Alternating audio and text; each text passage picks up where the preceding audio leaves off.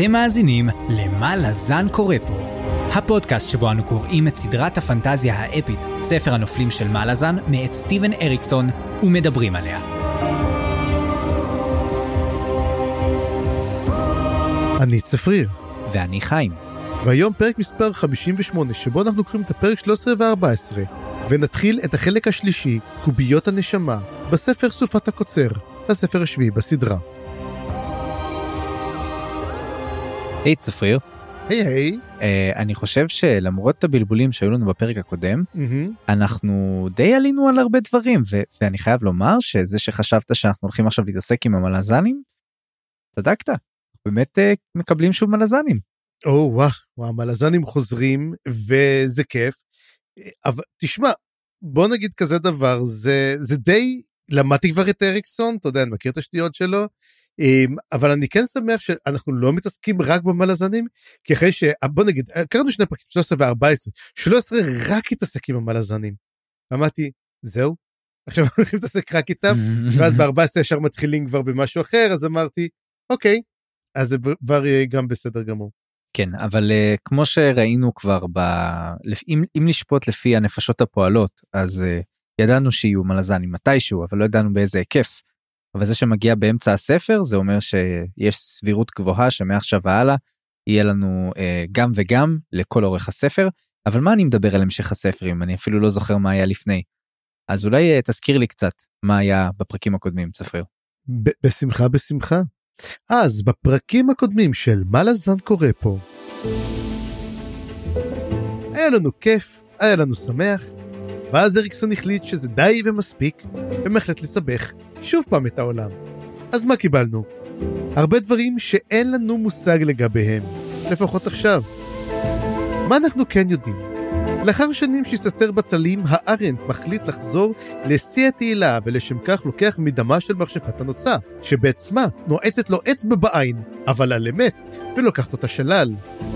מה היא עושה איתה? כן, היא בולעת את העין והופכת להיות הכהנת הראשית שלו. תאמינו לי שלא ידעתי שזאת אחת מדרישות המקצוע. קורוקן, אותו מחשב חביב וטוב לב, הופך להיות רוח רפאים נכלולית שמתערבת בכל מקום. הוא מנסה שמישהו יבוא לעזור לה, אבל במקום זה נקלע אצל סמר דב. טוב, היא הופכת להיות דומה יותר ויותר לקרסה אורלום. ומה קרסה עושה? את מה שהוא עושה הכי טוב, לכסח את הצורה לסגולה ולהשתתף באיחוד השלונגים הגדול שראינו עלי אדמות יחד עם אובללה, שמסמיך אותו להיות שר הצבא. טוב, מזה דבר טוב בטוח לא יקרה. במקום אחר בלת'רס, תהול ובאג ממשיכים לעשות צרות ורוקחים חליטת תה חדשה, והפעם עם נוצות. חנן מושג מנסה לשמור על שפיות ולשחק במשחק שגדול עליו בכמה רמות, וברות'ן טראנה עושה לשחרויות. נצא אבל לרגע מהעיר העמוסה ונלך לנשום אוויר בלורוז צח וטהור. חבורת ה-SRG ממשיכה במסעה לריב עם כולם ולחלום חלומות מוזרים. טרלסנגר, קוויקבן ואונרק ממשיכים לחצות משעולים מוצפים.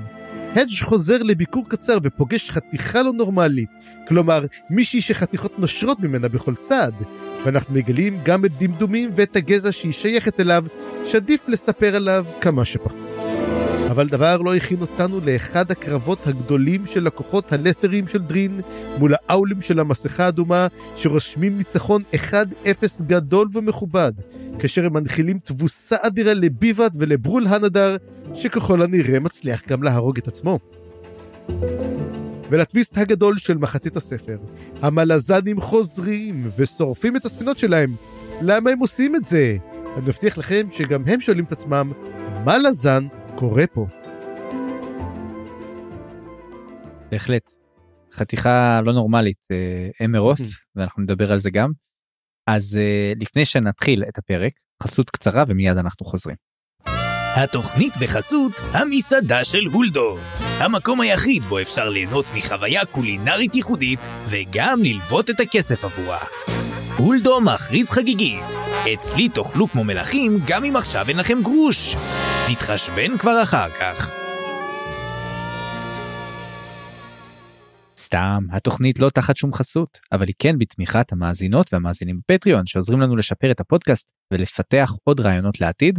אנחנו עומדים כעת על שמונה פטרונים ופטרוניות, ואנחנו מחכים לשניים הנותרים שיביאו אותנו למטרה הראשונה של עשרה תומכים ובכל מקרה תודה לכל מי שמאזינים גם אתם נותנים לנו המון כוח וזה כיף כיף כיף כיף כיף להמשיך להקליט. באמת תודה רבה תשמע זה, אתה רואה את ה... אנחנו בדיוק בתקופה שנגמר הקיקסטארט של ברנדון סנדרסון. אתה רואה כמה הוא מבט אומר וואי וזה ובקרוב אצלנו גם אנחנו נצא באיזה קיקסטארט או משהו כזה. בוודאי. זהו אז uh, צפיר קח אותנו למלזנים כי אנחנו כבר מתים לדעת מה קרה עם המלזנים פה. אוי כן תשמע קודם כל זה כיף לחזור למלזנים.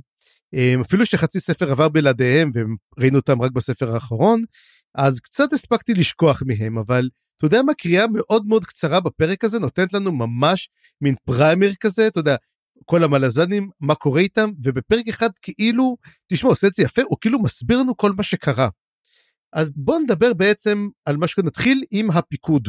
דבר ראשון אנחנו קצת רואים אה, את המפקדים חושבים הרבה הרבה מחשבות על מה שקרה.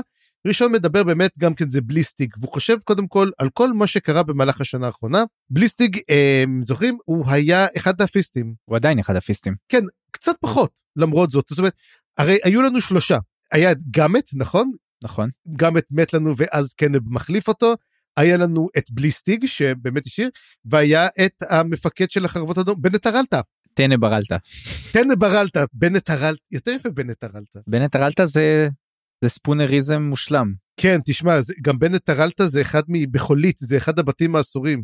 אה וואלה טוב אני לא לא יודע אני קראתי רק את הראשון. לא אבל יש לך בן גסרית יש לך בנט הרלטה אז כן.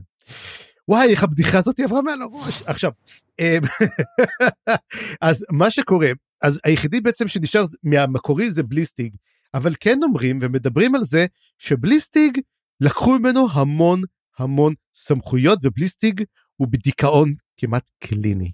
אז אני עדיין אנחנו לא יודעים מה הסמכויות שהורידו ממנו אבל הוא כזה פחות אה, אתה יודע כזה מעורב מה שכן אנחנו מגלים בעצם זה שלושה דברים מאוד מאוד חשובים. דבר ראשון, אנחנו מגלים שלוסטרה איל היא הסגנית החדשה, כמו שבאמת אנחנו הבנו שהולך לקרות, והיא מחליפה למשה את טמבר, ותשמע, הוא מהרהר לעצמו, האם היא תפסה גם את מקומה במיטה שלה? והנה השאלה, מה אתה אומר על זה? זה קרה או לא קרה?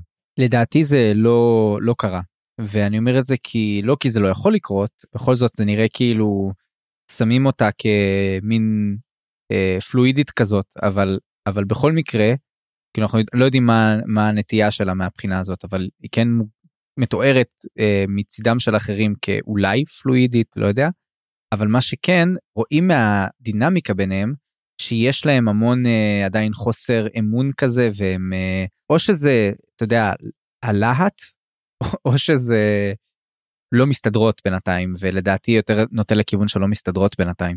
מה שקורה אני חושב שבניגוד לטאמבר שטאמבר יותר היה להם אתה יודע מערכת יחסים אחרת לוסטרה לא מקבלת אה, בולשיט היא תגיד מה שהיא אומרת והיא תעשה מה שהיא חושבת. ותשמע אני לא יודע כמה פעמים באמת מישהו באמת היה מוכן לבוא לתבור ולהגיד לה מה לעשות מההורים שלה ועד אפילו למפקדי צבא ובצבא עצמו אולי רק לסין יכולה באמת להגיד לה משהו. אז באמת הן מנסות ככה למצוא את התהליך. דרך אגב, אנחנו מקבלים תארוך שלקח להם שנה להגיע. אז אה, אנחנו צריכים להבין שהספר הזה מתרחש שנה לאחר הספר השישי. כן, זה מובן גם מה, מהעניין הזה של בליסטיק ו, וגם רואים את זה מהתגובות ומההספק אה, שלהם. כן כי הרי הם הספיקו להשתלט על האי של ברוליג למשל וברוליג כבר מתחיל ללמוד את השפה שלהם אמ, רואים שעבר זמן. כן הרי אנחנו יודעים שהייתה קפיצת זמן הרי ההידורים כבר משתלטים בכל מקום אה, אבל באמת אנחנו רואים שעברה שנה הם באמת אומרים שלקח להם שנה להפליג זאת אומרת שנה ועוד קצת זמן שהם גם נמצאו ועשו את כל הדברים. אז זה דרך אגב נותן לך גם כן אינדיקציה למרחק שלת'ר נמצאת משבע הערים. מהאי מעלה זה בפעם האחרונה שראינו תבין איזה מרחק זה, אם זה שנה בערך להגיע לשם. אבל אנחנו יודעים שהם עשו דרך אגב כמה פתרולים, הם חזרו לספיק, אנחנו נדבר על זה אבל מיד. דבר שני שאנחנו מגלים בעצם, זה בן אסקר מוסר את כל הכסף שלו לצבא, צבא מאוד מאוד עשיר. אה, מי שמסר, מי שעשה את זה זה גרב בעצם שהצליח, לא, לא, לא יודעים איך בדיוק הוא אמר, הוא ניסה לסחוט אותו או משהו כזה, ולמעשה בנדסקר הרי כתב, הרי אמרנו כבר בספר הקודם, שהוא לקח את כל הכסף מכל המקדשים שהוא היה בהם, והוא רצה לשמור אותו וכל פעם הוא לקח קצת, הפעם הוא לא, מוציא את כולו ונותן אותו לצבא מלזנים, או שהופך אותו לצבא מאוד מאוד עשיר. אה, כן ולא, כי הם צבא ענק, אה, כולל גם כל הפרישים. אגב, הפרישים אני לא יודע אם צריך לשלם להם או לא, כי לכאורה הם עושים את זה מסיבות אה, תיאולוגיות, אני יודע. אבל בצבא המלזני הוא צבא מקצועי, וזה גם אגב הבדל גדול בינו לבין צבא לת'ר. וצבא מלאז הוא נגיד אפשר להשוות אותו בהיסטוריה לצבא הרומי, ללגיונות הרומיים, שבאמת היו שם, היה שם מהפכה שבשלב מסוים התחילו לשלם להם אה, משכורת גבוהה וזה הפך להיות צבא מאוד מקצועי וזה מאוד מאוד אה, הגדיל את הכוח שלו. אז הצבא המלזני רגיל לשלם פיצויים פסיכיים לנופלים ולחללים ולמשפחות שלהם נכון אז זה אחד מהעניינים שגורמים לאנשים להצטרף לצבא מלכתחילה. כן, כן, הם מדברים על זה שהם מדברים על הכסף, כמה כל אחד מקבל, וקצבת שאירים, זה מאוד משתלם להיות חייל בצבא המלזני. כן, יש תנאים טובים, ולכן אני אומר שהכסף הזה, אמנם מדובר בכמויות פסיכיות כנראה של כסף, אבל השאלה לכמה זמן זה יספיק. אמ, וזה מחבר גם את כל העניין הזה לשאלה הגדולה יותר של מה המטרה של הצבא הזה, והאם הם מוכנים עכשיו להיות מנותקים מהאימפריה, וכמה זמן זה יחזיק הניתוק הזה, וכמה המורל שלהם יחזיק את זה. אז זה היה כמו כיבוי שרפות כזה. היה צריך mm-hmm. למצוא מימון לצבא, הם מצאו אותו. השאלה כמה זמן זה יחזיק והאם זה לטווח ארוך או לא. ולדעתי העניין הוא שכרגע מחפשים לטווח ארוך פתרון יותר ישים, כי רק העניין הכספי לא יחזיק את הצבא הזה, צריך גם לתת לו משמעות, לתת לו חזון, ואנחנו נדבר גם על זה. עכשיו, בדיוק עכשיו אנחנו מתחילים לדבר על זה, ומדובר בעצם על הנאום של תבורי. ותבורי כשהם מגיעים, היא נותנת להם נאום ומדברת בעצם על כל צבא, וכמו שכתבת גם כן, על השמות שלו, על שמות הנופלים, אבל פה היא נותנת איזה משפט, והיא אומרת שלמעשה כל המעשים שהם בעצם באים לעזור לספיק, הם הפליגו לספיק לפני כן, ומספיק הם בעצם באים לנקום אותם. עכשיו תבין, הם לא פועלים בשירות לסין יותר, הם החליטו, החליטה לקחת את זה בעצמה. היא למעשה בעצם זאתי שמשלמת על כל הכסף.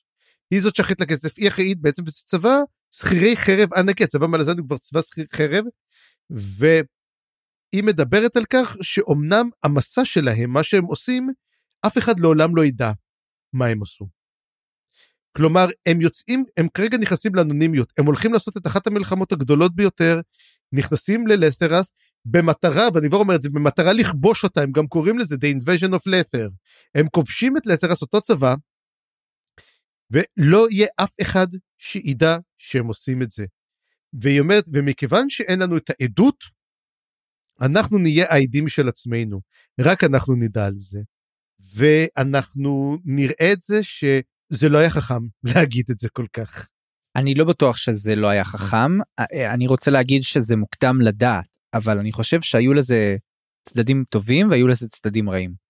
Uh, הצד הטוב זה שבהחלט זה נתן המון כוח, זה היה נאום, למרות שהוא היה פשוט ומאוד ישיר כזה, לא מפונפן או משהו, uh, בכל זאת עשה רושם ענק על הצבא והחיילים, ונתן להם פעם ראשונה uh, מאז שהם uh, יצאו ממלאזן בעצם, מטרה חדשה, חזון חדש, ואגב, נחבר את המוטיב הזה של העדות גם לקרסה.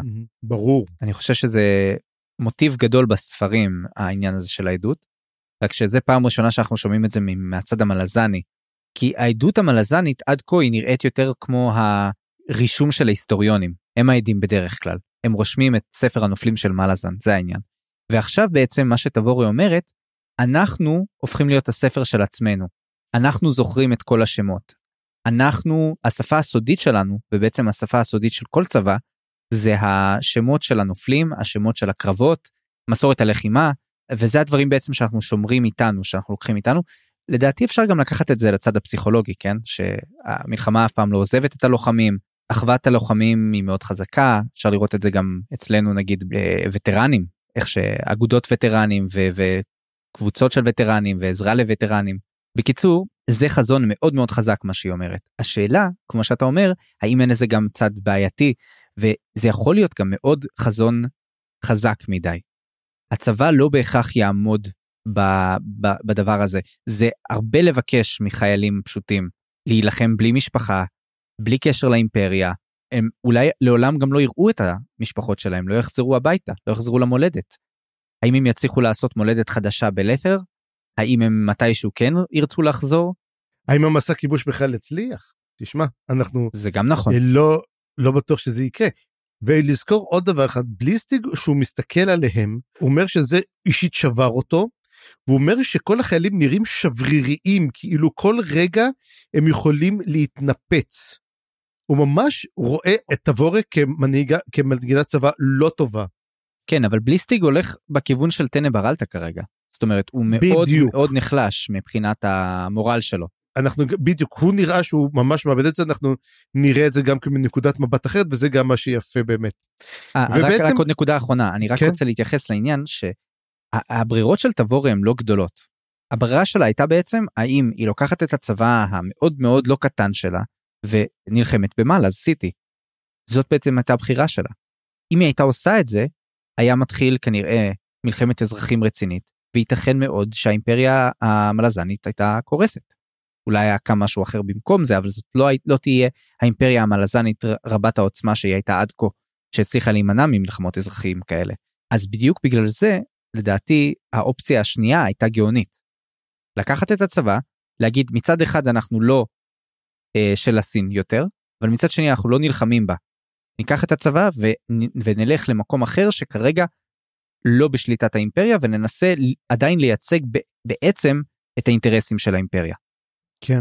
עוד דבר אחד קטן באמת שאני גם דיברת בעצם על השפה הצודית של כל צבא, היה שם קטע מאוד יפה שהיא בעצם לוקחת את הצבאות ומספרת על הקרבות שלהם. וזה היה קטע מאוד מעניין כי היא מדברת קודם כל גם על הצבא של דסמולטור שקראו לו החרב הראשונה זה היה השם של המחלקה שלו. והיא נותנת באמת את השמות של הקרבות אני לא רשמתי את זה חבל אבל היא כותבת את כל הקרבות שהם הלכו אני חושב ליהנג היה אחד מהקרבות שמה ואז זה מדבר גם וזה נגמר באיגתן זה הקרב האחרון שבעצם פורקה ואז היא הולכת לצבא לבית צורפי הגשרים. לא מה לעשיתי זה הקרב האחרון. של של מי? מה לעשיתי של הצבא הזה. לא לא אבל היא אומרת על כל, חב... כל חבורה היא אומרת על הקרב האחרון שלו. החרב הראשונה הקרב האחרון שלה היה באיגתן. אה, אה אוקיי. וכשהיא מדברת על שורפי הגשרים אז היא מתחילה לדבר רק הוא היא אומרת על כל גנבקיס על ה... על הדוג forest היא מדברת על פייל, היא מדלגת על דרוג'יסטן ועוברת לקורל. הם גם לא מכניסים דרוג'יסטן וגם לא את קפוסטן. אלו שני מקומות, באמת קורל, בקורל השורפי הגשרים בעצם הסתיימו. ואז היא אומרת גם על קולטיין, על ות'ר crossing, היא אומרת את הנקודות, על ארן, שבו זה בעצם נגמר. ואז אצלהם באמת איגתן, והיא אומרת, ובעצם מה לעשיתי בעצם, זה בעצם המקום האחרון שלהם, אבל היא אומרת, יהיה לנו עוד קרבות. השאלה מתי בעצם הקרב יהיה, כי אנחנו רואים שהטקטיקות שהיא תיקח אותם, הם יהיו קצת אחרות. באמת בוא נדבר קצת על טקטיקות, ומי שבעצם מדבר על טקטיקות זה קנב. עוד קנב, עוד פיסט אחד, הוא קודם כל מהרהר על העובדה שתבורה לקחה את כל המחלקות הקיימות ועשתה מישמש אחד גדול. לקחה כבדים עם מרינס, עם חיילים קלים, ופשוט חילקה אותם בצורה רנדומלית אולי אפילו, הוא לא מבין אפילו למה היא עשתה את זה? אולי היא רוצה יותר ורסטיליות, שכל כוח יהיה סלף סופישנט, יהיה לו את כל הכלים מכולם, כי הם יכולים להיתקע מאחורי קווי אויב והם זהו זה, לכו תסתדרו. והוא באמת מהרהר על כך, האם זה באמת נכון ממה שהם עשו. אז אני אגיד על זה כמה דברים. דבר ראשון, אם היא עשתה את זה, זה היה עוד בספר הקודם, ועוד לפני שהיה כל המהלך הזה. עכשיו זה רק, יש עוד כמה התפתחויות, אבל בגדול השינוי הזה כבר קרה באיגתן עוד. אז העניין הוא שיש סיבה לומר שתבורה חזתה מראש שהיא תצטרך צבא אחר ממה שהיה לה. יכול להיות שהיא חזתה מראש כבר את כל המהלך הזה עם מדור ולת'ר. אז, אז זה דבר אחד שאפשר לזקוף לזכותה, אם זה באמת נכון. דבר שני, אני רוצה להגיד שאולי זה, כמודל, היא לקחה בעצם את שורפי הגשרים. כי בעצם, אם תחשוב על זה, שורפי הגשרים, איך שהם התנהלו, איך שהם לחמו, זה כבר היה אותו דבר. זה היה כוח סופר ורסטילי, כמו יחידת קומנדו כזאת שיכולה לעשות בעצם הכל. וגם נחתים צריכים הרבה מאוד ורסטיליות. אז כמו שבסופי הקשרים היה לנו סאפרים, היה לנו אה, חיילים רגילים, היה לנו מתנגשים, והיה לנו גם סוג של הביז. תחשוב נגיד על אה, אה טרוץ. טרוץ. כן. וזה בעצם מאוד מאוד מזכיר את מה שהיא יוצרת עכשיו.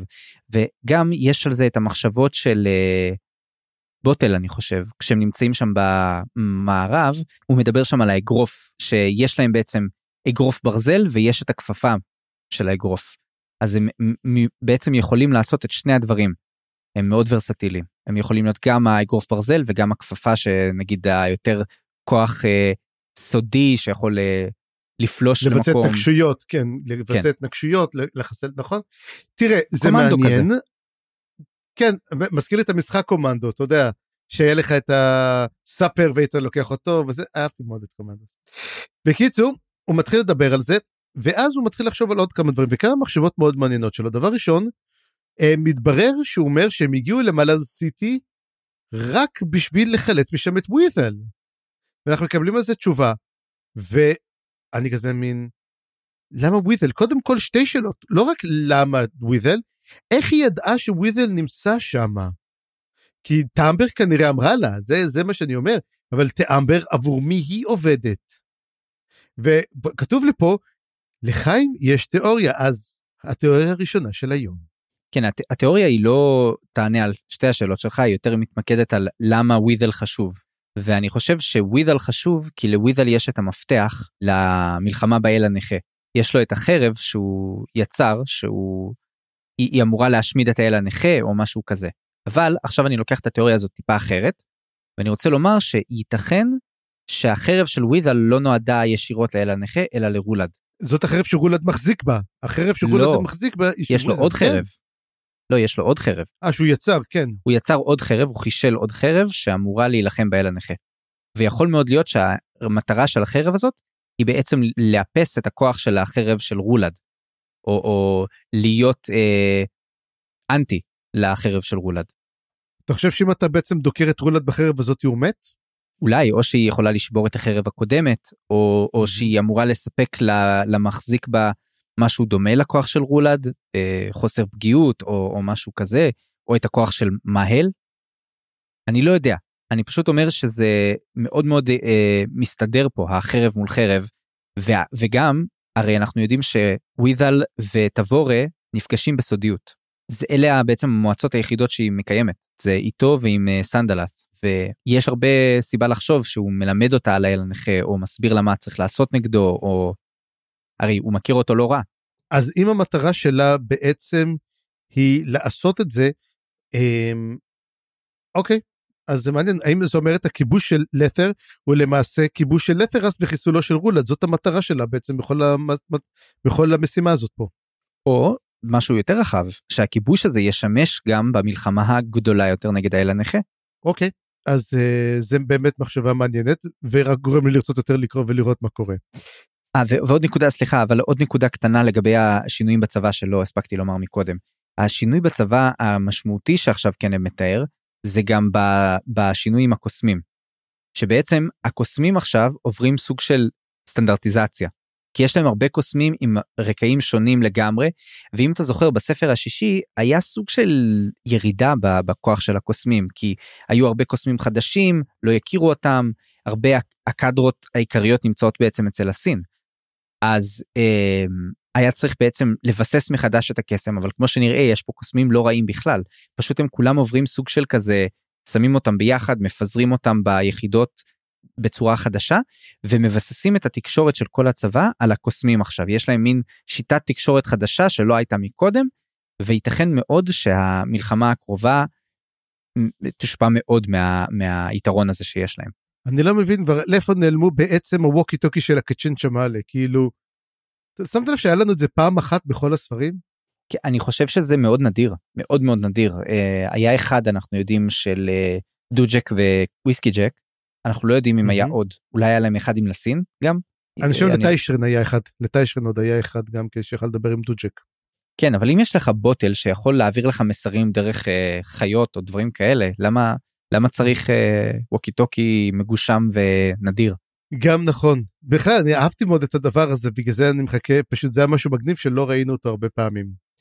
ובעצם מדבר, הם, כן הם, איך הם הצליחו להגיע ללת'ר, כי אתה אומר, הם לא ידעו בכלל על קיומה של לת'ר, ומתברר שכמה מהכוחות הדורים עדיין נשארו בספיק, הם תפסו אותם, עינו אותם, ולמעשה קיבלו את, הם אמרו, המידע לא היה כזה משהו, אבל הם השיגו מהלוגים של הספינות, מיומני הספינות למעשה, והמפות שהיו שם, הם גילו איפה לת'ר, ואז הם החליטו להפליג בעצם לשם.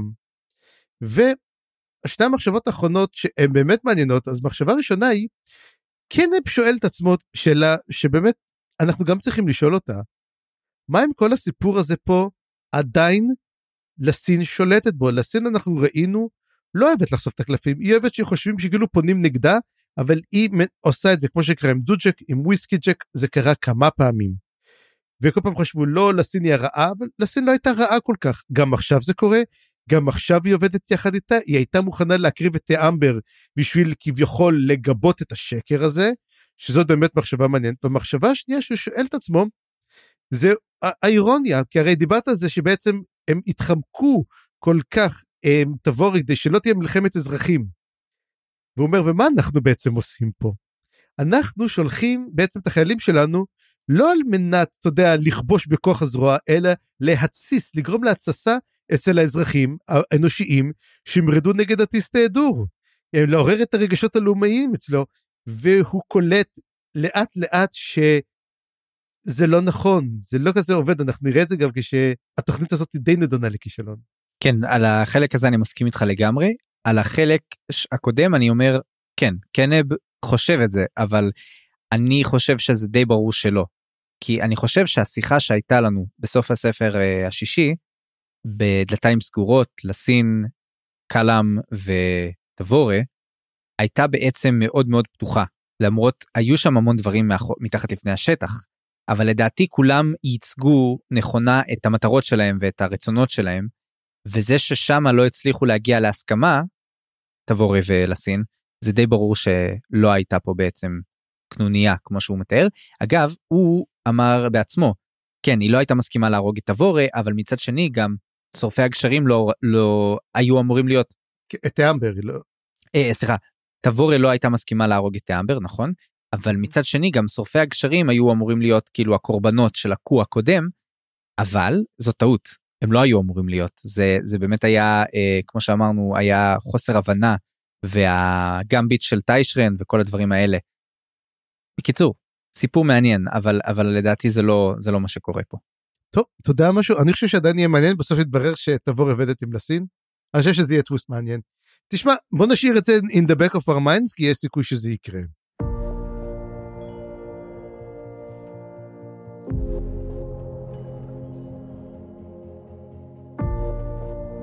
אז בעצם אנחנו נעבור ללא בדיוק פיקוד, אבל אנחנו רואים בעצם את אה, לוטננט בלם יחד עם החברים שלו במסבעה, שהם באותה מסבעה שאנחנו רואים עם שור כלל, מה שראינו בפרקים הקודמים, בפרק הקודם גם ראינו אותם, ואמרו מדברים כמו איירון um, ברס, כמו אותם קרימסון, וזה בעצם באמת שלושת החברים, בלם, דדסמל ות'רוט סליטר, ואנחנו מקבלים um, על בלם פחות מידע, כי אנחנו כבר מכירים אותו, ואנחנו מקבלים מידע על דדסמל. קודם כל, לא, אני בהתחלה קראתי, חשבתי שקוראים לו דדסמל כי הוא מריח כמו מישהו מת. אתה יודע. אבל מתברר שדדסמל יש לו את היכולת להריח מתים, כמו למשל הסרט הידוע I can smell dead people, שזה לא החוש השישי, זה החוש השני או השלישי, אני חושב, לא? ריח. כן. Uh, ואנחנו גם מגלים על, על ברייבנטוס. Uh, ברייבנטוס נתן לו את השם, נתן לו את השם. נכון, מגלים על ברייבנטוס שנותן את השמות הרי, את הכינויים למלזנים המסורתיים, אה, הוא כנראה יש לו איזושהי יכולת לזהות דברים על אנשים שלאחרים אין, ואגב זה רואים את זה גם עכשיו עם throat slitter גם. לגמרי, מה שקרה, יש לו מין את הטאלנט הזה, יש לו טאלנט, כמו כל אחד אנחנו רואים שזה טאלנט קטן, כמו לפידלר יש טאלנט קטן, כמו את הקריאות שלו, וגם היה, אני חושב גם כן להדג' היה לו גם כן איזה טאלנט כלשהו. ובגלל זה אנחנו רואים גם כן שגם לו לא יש את זה, וזה נחמד מאוד לראות את זה שמבינים שהוא, והוא אומר להם בעצם, מסתכלים כולם על שור כלל, והוא אומר לה כן, היא מתה. אבל היא לא נראית מתה, אומר לה כן, אבל היא מתה, מה אני יכול לעשות?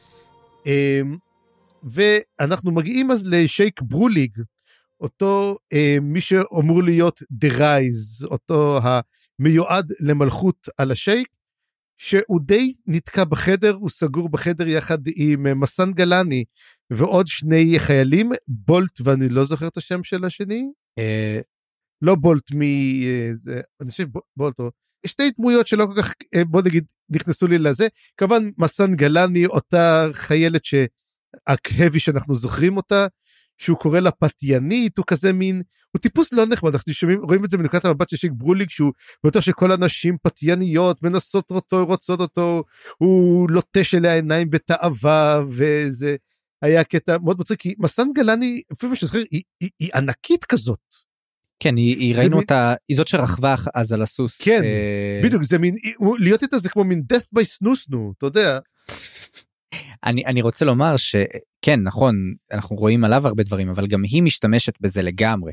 זאת אומרת, mm-hmm. היא לגמרי מנצלת את זה, והוא יודע שהיא מנצלת את זה, והחלק הכי מעניין פה בדינמיקה, שאנחנו הרי רואים את זה מנקודת המבט שלו, והוא אה, מתחיל להבין אותם, למרות שהם לא, לא יודעים את זה. הוא לומד את השפה מצפייה בהם והאזנה, והוא כנראה טוב בשפות, הברוליג הזה. אז mm-hmm. הוא כבר יודע את השפה, מבין מלזנית לא רע, יותר טוב ממה שהם יודעים לתרית, והם לא מודעים לזה. אז כל התוכניות שלהם, כל השושו הזה, זה כל כך מצחיק, כאילו זה, זה, זה, זה אירוניה, כל הסצנה הזאת, והוא נותן להם גם. הוא מבין שאין לו ברירה יותר מדי, הוא גם מקווה לנצל את זה בסוף כדי לת... למנף את הכוח הפוליטי שלו, אבל זה לא בטוח יעבוד לו. כן, היא גם כן, הם אומרים לו בוא נלך, כאילו בוא, let's take him for a walk, כמו כלב, אתה יודע, אתה רוצה, אומר אני רוצה ללכת, טוב בטח, אז בוא ניקח אותך לסיבוב כמו כלב כזה, שתוכל לראות, לשאוף אוויר.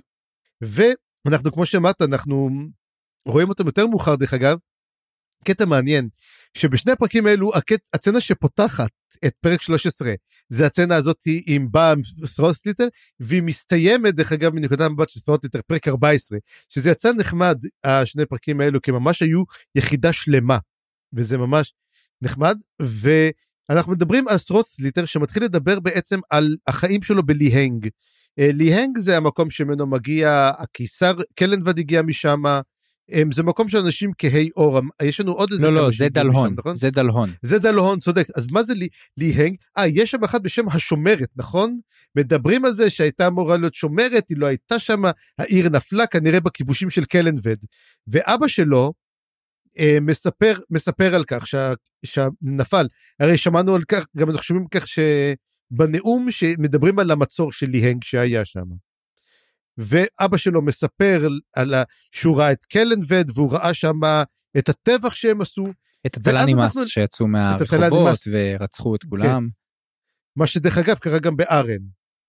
כן, וגם שם, אה, ויכול להיות אגב, זה קצת מתערבב לי פה הסיפור, כי גם שם מישהו פתח את השער, ובעצם נתן, אני לא יודע, היה לנו כבר את הסיפור הזה בארן, לא? מי היה, היה ה... את אותו סיפור ברן. חרבות האדומות, המנהיג של החרבות האדומות שפתח את הזה? זה, כן, כן, כן, זה זה שפתח, זה זה ש... זה, אה, אה, רגע, רגע, אה, אה, זה, זה, זה הבן דוד של קלמקר. כן, נכון, אז זה הוא, פתח את ה... זה בארן, אז אני לא יודע אם מדובר על... זה לא אותה עיר, מדובר על...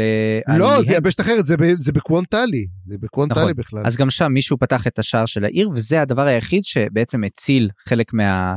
אנשים שיכלו לברוח בזכות זה מהטלה נמאס מהטבח שלהם. כן, והוא מדבר גם שלסין הייתה שם גם כן. ואז למעשה שהוא מתחיל לדבר, הוא אומר, מתחיל לדבר שהוא בעצם אימנו אותו בנשקים, בהתנגשויות, אתה אומר, רגע, הוא קלוב? אז הוא אומר, לא, הקלוב רצחו בעצם את המשפחה שלו, ואז אומרים, למעשה, פרוצלטר הוא טלון. כן, ועכשיו אז... גם השם שלו. בדיוק, ו... תשמע, זה מעניין, אתה חושב שתהיה לזה השפעה? דווקא כשאנחנו מקבלים עכשיו את המידע הזה? הרי אין, אין לנו claw שם, חוץ מטוק שהיה claw, אני מנסה לחשוב על דמות טוק וקלאם, יש לנו עוד claw שאנחנו מכירים? פרל הרי, פנין, פנין, איך זה, פיני כבר סיים את עבודתו. לא, אני לא חושב שיש לזה משמעות כרגע, אבל יכול להיות, אתה יודע, אם, אם יצטרכו ליצור פה יחידה חדשה של מתנקשים, הוא contender לא רע בשביל לפקד עליה עכשיו. אתה, אתה חושב שהם יודעים על היכולת שלו? זאת אומרת, הוא מפרסם אותה ברבים, או שסתם קוראים לו ת'רוטסליטר וחושבים שהוא סתם איזה צ'רלי פותח הגרונות? אני לא יודע, אבל הסגנית שלו תהיה סמיילס. זה מצחיק לאללה. ונמשיך אה, הלאה. בעצם שורק אלעל החליטה יחד עם, עם סקורגן היפה לנסות להיכנס ולראות מה קורה עם ברוליג, והם בעצם מעבירים את החביות שיכר שהם כל הזמן מעבירים, הם רוצים להיכנס, הם אומרים, לא, הוא עסוק, הוא לא יכול כרגע, הם בסוף נכנסים, והם רואים אותו שם, והם אומרים, מה קורה? מנסים להבין בדיוק מה, מה הולכים לעשות, אז אומרים, טוב, אנחנו בעצם הצבא המלזני, הם די מסבירים לשורקלה על כל מה שקורה שם, ואז אומרים להם, כן, אנחנו בעצם באים לעשות מרד, אנחנו באים להתסיס, והיא אומרת להם, אתם בחירה לא טובה של טקטיקה, כי האנשים לא מחפשים מרד, וראיה כרגע הם נכבשו על ידי הדורים, הם, הם איתם, זה, הם לא התמרדו לעולם, בעצם מה שקורה, אתם שלחתם את האנשים שלכם לטבח, אתם לא קודם לקחתם כוח גדול, לקחתם יחידות קטנות שאפשר לחסל אותן. ולהפך ו... גם, היא אומרת, זה, זה יותר מזה, זה כמו שאנחנו דיברנו על הספר הזה, החמישי, שבעצם הלתרים ניצחו. כאילו, ההדורים כבשו אותם, אבל הלתרים ניצחו. אז ללתרים יש בעצם אפילו מניע שלילי לצאת נגד ההדורים. הם שולטים במצב, הטריבן גנול ואחוות ה... חירות. אחוות החירות וכל הדברים האלה זה בדיוק מה שדיברנו עליו הם שולטים בעניין או לפחות מנסים לשלוט בעניין. Mm-hmm. לדעתי הדבר היחיד שיכול לקרות זה שבאמת תיאול יצליח במזימה שלו ואז תהיה קריסה וזאת תהיה הזדמנות טובה באמת אה, בדיוק אז להוציא לפועל את התוכנית של תבורי אולי אז זה יעבוד. כן בינתיים מה שאני אומר הוא שתבורי לא עשתה כל כך שיעורי בית. סורי על הדבר הזה, אני לא מרגיש שתבור אה, אה, מנהיגה טובה כל כך. ממה שמצטייר, ממה שאני שמתי לב, המפקדים שלה מפקפקים בה, הסגנית שלה לא מסכימה איתה הרבה פעמים. אה, הצבא הוא קצת על קרעי תרנגולת. התוכנית עבודה שלה לא תעבוד, יכול להיות שהחיילים שלה טובים, אבל הם יצטרכו הרבה מאוד לאלתר. אה, אה, היא לא, היא לא קראה טוב את המפה, ואיך זה קורה מטקטיקנית כביכול מבריקה כמו תבורי? מה בעצם מפספסת? מה, מה הבלנדסטיין שלה? אני אגיד לך מה היא, במה היא פחות טובה, בלהכיר אימפריות שנמצאות מעבר לאוקיינוס. אה, היא, היא, שמע, עם המידע שהיה לה, היא עושה אחלה עבודה. נכון? יש blind spots, נכון? המידע, מודיעין שלה לא הכי טוב, אבל הנה, תראה, היא עדיין אה, אוספת מודיעין. באמת היחידות הקטנות שהיא שלחה הם בסכנה עכשיו אבל אתה יודע את מי שלך את, את פידלר והחבר'ה שנדבר עליהם עוד מעט. אני לא חושב שהם בכזאת סכנה כמו שאנחנו חושבים הם מצוידים היטב בשביל להתמודד עם uh, דברים כאלה בינתיים לפחות זה נראה כך. והשאלה באמת מה התחלה טובה התחלה טובה אבל אני. מתחיל לחכות לאסונות הראשונים ולא י... איך אני אני אגיד לך את זה כבר ככה אל תתחבר לאף אחד מהמלזנים. אני לא יודע כמה ישרדו לנו פה את הספר הזה. צפריר אתה לא רק אה, hater אתה גם naysayer וגם doomsayer. אתה אתה תופס פה את ת, תמצא לי קלף the doomsayer. או, או, נביא הזעם אתה תהיה נביא הזעם. יש. זקן כבר יש לי לזה כן. למרות שתשמע מה אני אומר יהיה לי פה נקודה רצינית מאוד בפרק שאני אהיה hater. תתכונן. אני לא חושב שאני hater אני לגמרי lover ואני אוהב את הדברים האלו אני פשוט אני מרגיש כזה מין, אתה יודע, חבל לי, כי תשמע, חבר'ה נחמדים והכל טוב, וחבל. לא יודע, אני, אני במחנה של תבורי, אני חושב שהיא בינתיים אה, אחת המנהיגות הטובות שהיו לצבא. אוקיי, אני לא יודע, תבורי תמיד לא... אתה יודע, גנוס אני מת עליו, ואני חושב שהוא אחלה, תבורי מעולם לא נראתה לי כבן אדם טוב. היא תמיד נראתה לי כנצלנית, היא נראתה כקרה, מרוחקת. אמ, לא יודע, היא, היא לא המנהיגה או המפקדת שאני הייתי רוצה לצבא שלי. בסדר. ואתה אמ, יודע מה עכשיו גם uh, אני אגיד שהאיום הגדול ביותר זה דווקא מה שאתה הולך לדבר עליו עוד רגע שזה האיום הקסום של הקרח. האיום, או, כן בדיוק אז אנחנו נדבר באמת לוסטר המופיע לכמה רגעים ככה כדי לראות היי אני פה אנחנו קצת רואים מה היא מדברת. והיא מהרהרת באמת על בליסטיק ופה אנחנו באמת שומעים על בליסטיק שכל הדברים שלו נלקחים ממנו כמעט לא יודע מה הכוח שלו אבל הוא נשאר אנחנו אפילו לא יודעים איזה כוחות עוד נשארו לו. צריך לזכור שבליסטיק נכווה קשה מאוד מאוד מכל מה שקרה באיגתן והיא גם כן רואה את סין וסין השתגעה מאוד מאז uh, מה שקרה ב... באיגתן גם כן. איגתן באמת אה, שינה את כל הזה.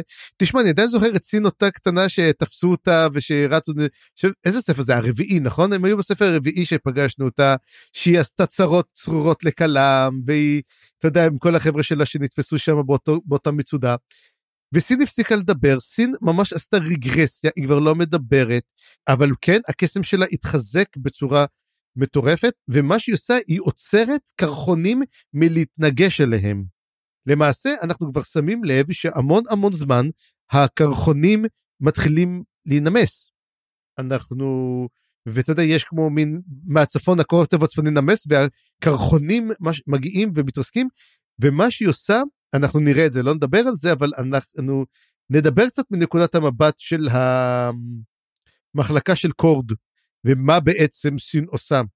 אז כן, יש לנו באמת איזה איום כלשהו, אבל אני חושב שסין עומדת בו דווקא יפה מאוד.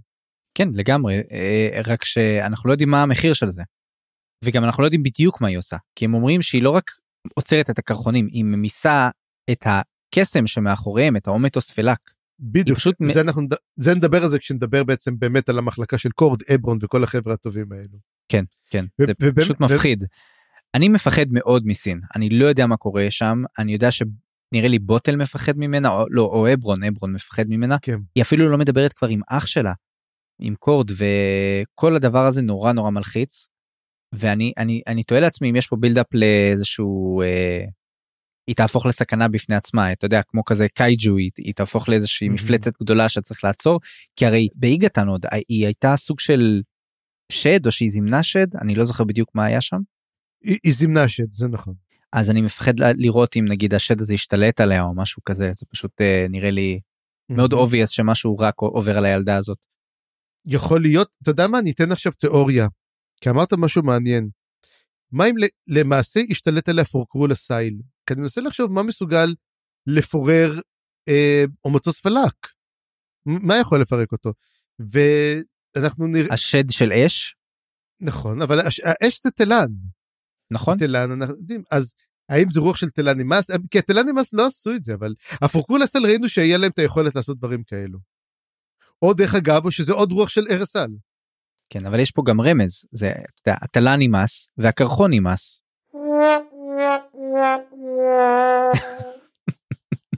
זאת הייתה בדיחת האבא הנוראית ביותר שאי פעם, אבל לא, אוי ואבוי.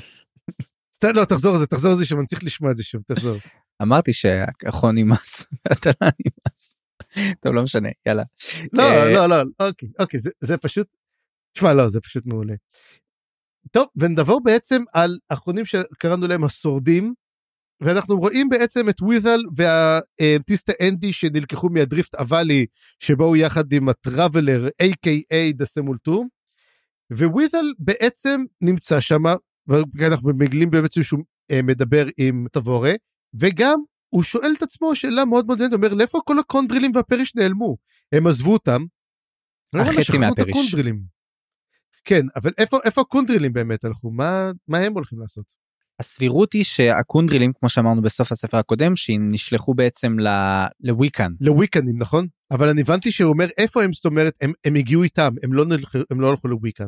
אז שאלה טובה, אולי תבורי מתכננת עוד משהו, אולי יש לה תוכנית ב', אולי היא בינתיים שלחה חצי מהצבא לעשות עוד משהו שאנחנו לא יודעים.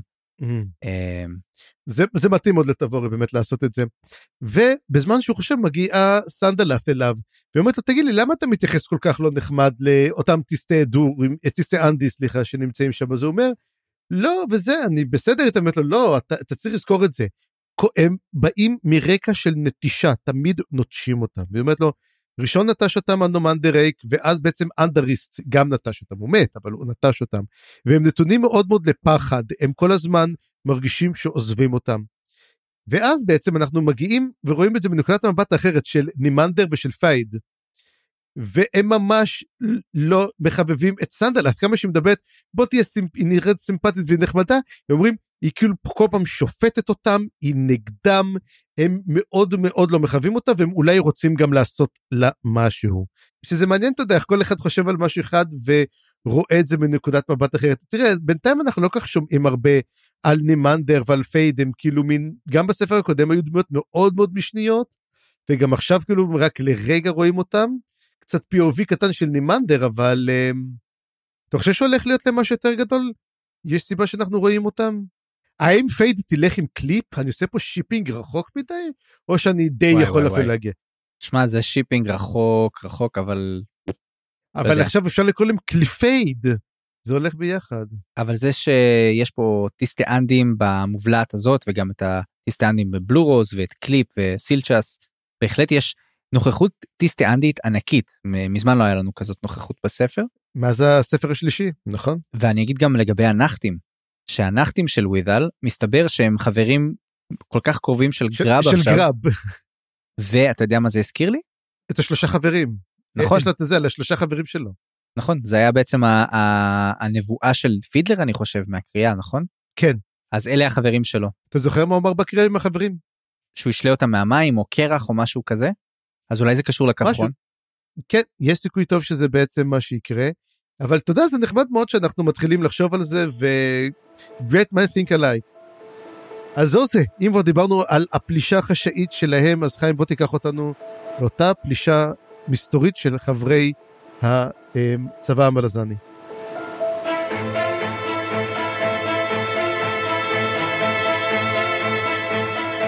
כן, אז הפלישה החשאית של uh, הצבא המלזני בעצם תבורה שולחת יחידות קטנות שאנחנו כבר מכירים אותן, uh, בדרך כלל מחלקות של 14 חיילים או משהו כזה, לעשות כל מיני פעולות כבר בתוך ה- השטח הלת'רי. חלק מהעניין זה באמת כמו שאמרנו, uh, לעורר את המקומיים בעצם ולבדוק את השטח, אבל גם לעורר אותם. כרגע הם אמורים להימנע מעימות עם ההדורים, מה שלא בדיוק קורה. הם אמורים בעצם לשמור על uh, חשאיות ואנחנו רואים שיש פה כמה כוחות אז נדבר עליהם אחד אחד. אז הכוח הראשון זה באמת הכוח של פידלר וזה מה זה כיף לחזור לפידלר והחבר'ה הם uh, לא נמצאים במצב מדהים יש להם מין uh, מצד אחד הם בסדר כאילו לא קרה להם כלום הם בסוג של מערבים כאלה חשאיים הם נמצאים ביער ולא ברור כל כך עדיין מה המטרה שלו. מה שכן קורה שם, קורה שם כל מיני דברים, אבל בעיקר אנחנו רואים שהם חסרי מנוח. הם עם קוצים, הם אה, מאוד מאוד אה, מצד אחד רוצים להילחם, וחלק ממה שאנחנו רואים דווקא מהחיילים בשטח, זה שקשה להם מאוד להיות צבא כרגע שלא עושה כלום. זאת אומרת, חלק מהעניין זה לבחון את הלחימה שלהם, שהם עם מורל גבוה, אבל כל עוד זה לא קורה, זה פוגע בהם. הרי הלחימה היחידה שהייתה להם כצבא, בוא ניזכר, זה אי גתן שהיה פשוט להיכנס לתוך מלכודת אש, לא היה שם שום לחימה רצינית, וזאת אומרת אמיתית, זה לא היה ממש מלחמה קלאסית, והמלחמה השנייה הייתה במאלה סיטי, שגם שם הם עמדו מול אספסוף, ואלה המחשבות של פידר, מה שאני אומר. וגם חוץ מזה שזה היה אספסוף, זה היה אספסוף שהוא בן עמם, אה, אספסוף מלזני, זה היה לי קרב, קרב אה, מלחמ, מלחמת אחים כזאת. אז בעצם הם מתים כבר למלחמה אמיתית וזה לא קורה הם אמורים לי, להתנהל בהתחשאיות וזה פשוט אה, שוחק אותם כרגע. שמת לב שממש באמת זה נכון, אבל הצבא של תבורי אין מלחמה. הם באו להילחם בררקו, ואז כל הרוחות טבחו להם את זה לפני זה. הם רק צועדים. הם פשוט הולכים ממקום למקום. אז אני חושב צפריר שזה הולך להשתנות בספר הזה. אני חושב שמתישהו בספר הזה צבא תבורי הולך באמת לבחון את הכוח שלו בצורה אמיתית נגד ההדורים ואולי אפילו משהו אחר. ומכאן מספר ההרוגים הגבוה שאני כבר מתכנן לספר. ייתכן מאוד. אז בוא נחזור רגע לפידלר. יש שם קטע עם בוטל. בוטל אה, הופך להיות מאוד מאוד אה, משמעותי פה ביחידה שלו. הוא, הוא העיניים, הוא האזניים שלהם, הוא הגשש שלהם, הוא הכל בעצם. הוא עושה את הדברים הכי חשובים. עד כדי כך שפידלר מצוות לו את קורב שישמור עליו. יש לו בעצם שומר ראש עכשיו כי הוא יודע שאם יקרה משהו לבוטל הם בצרות. ואגב אנחנו גם לומדים שבוטל השאיר את אה, איגתן האח בראש, אח בראשית, עם השגר שלה בספינה של תבורה בפרוסט וולף. כן, כדי שתרגל, ירגל אחריה. כן. נכון, אז הוא מרגל אחריה, כנראה אנחנו נלמד דרכו כל מיני דברים עליה גם, אבל כן, הוא כרגע מאוד מאוד אה, חשוב בעניין הזה, וגם זה מזכיר לי את כל העניין הזה של החשיבות של הקוסמים שקנב דיבר עליה. הקוסמים הם הולכים להיות אחד מהכלים הכי גדולים שיש עכשיו לצבא המלזני באזור הזה. ולפידלר יש גם את העניין הזה של החפיסה.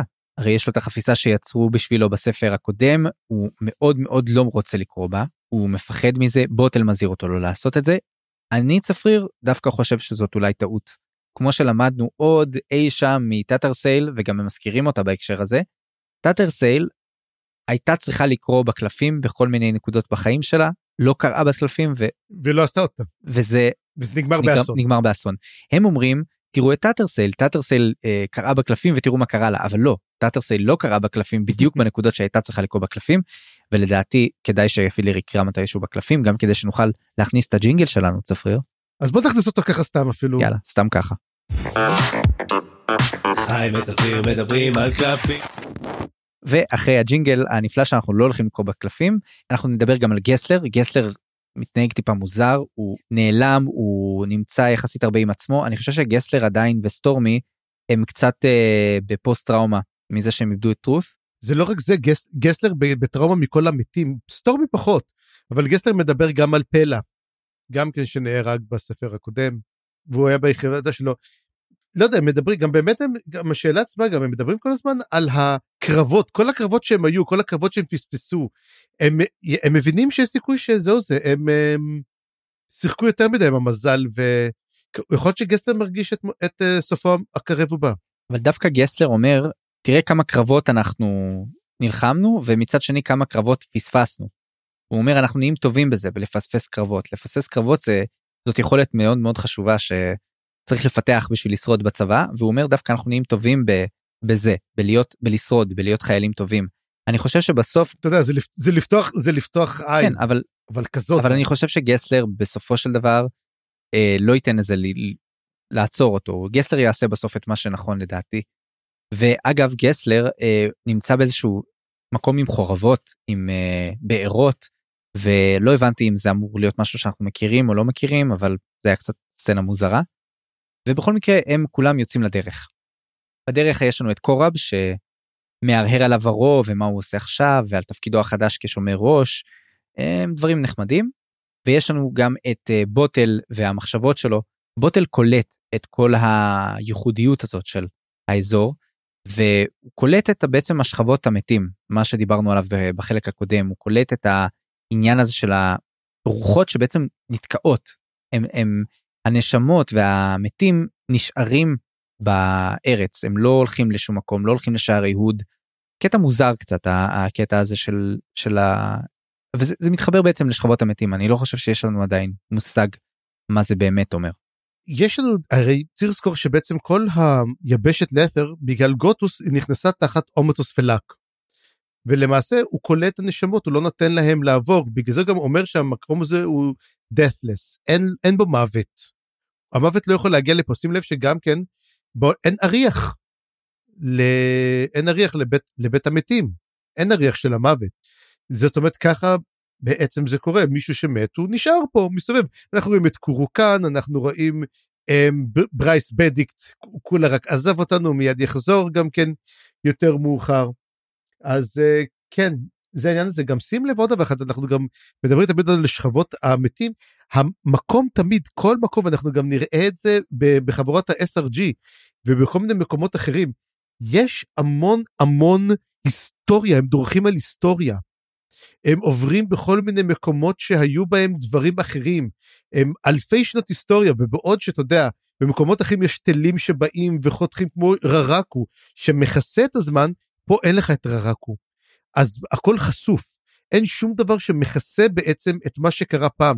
עד כדי כך שאתה יכול להסתובב בחורבות של קצ'ן צ'מאלי שהיו לפני מאות אלפי שנים, והן עדיין קיימות. נכון, אבל גם חוץ מלת'ר אני חושב, בלת'רס, סליחה, יש את ה... כל מה שקורה מתחת לפני העיר וזה גם מתחיל להיחשף לאט לאט אבל בחפירות. כן לת'רס בנויה על החורבות בגלל זה לא רואים את החורבות כי הם בנו עליהן.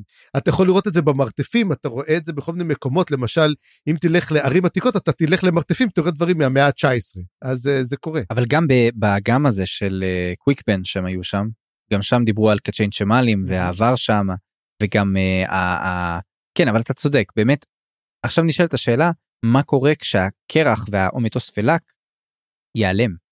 האם זה ישפיע על הנשמות? אנשים יתחילו למות. אנשים יתחילו למות, כן, יעברו לשער של הוד.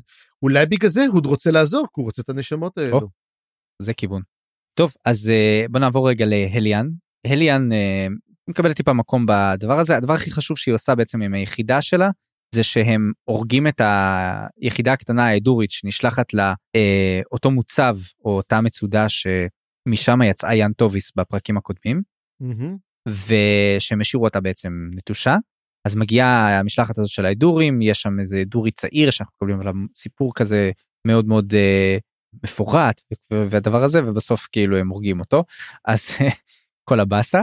אבל חוץ מזה אליאן שיכורה רוב הזמן יש לה עדיין את הגג הזה עם שני רבטים שבעצם אה, רבט אחד בראש שלה והיא כל הזמן לא מצליחה לספור את הזה היא כל הזמן שואלת למה אתם מדברים אה.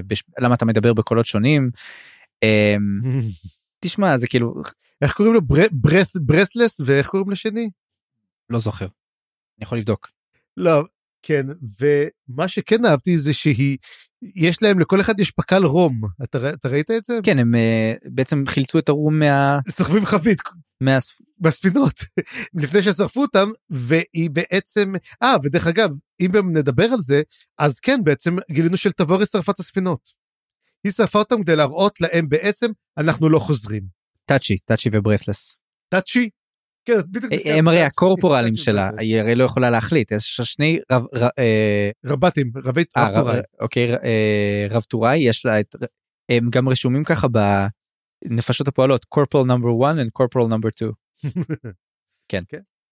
האמת היא צריכה אחד, אבל מה זה משנה, תקבלי שניים. בכל מקרה, כן, אני לא יודע מה החשיבות של אליאן, היא תופסת פה קצת מקום, היא לא דמות סופר חשובה כרגע, אני, אבל, אבל נראה, נראה לאיפה היא תתקדם, כי הרי אחרי המצודה הזאת, יכול להיות שהם ימשיכו לאי של ברוליג או יכול להיות שיקרה משהו אחר שם.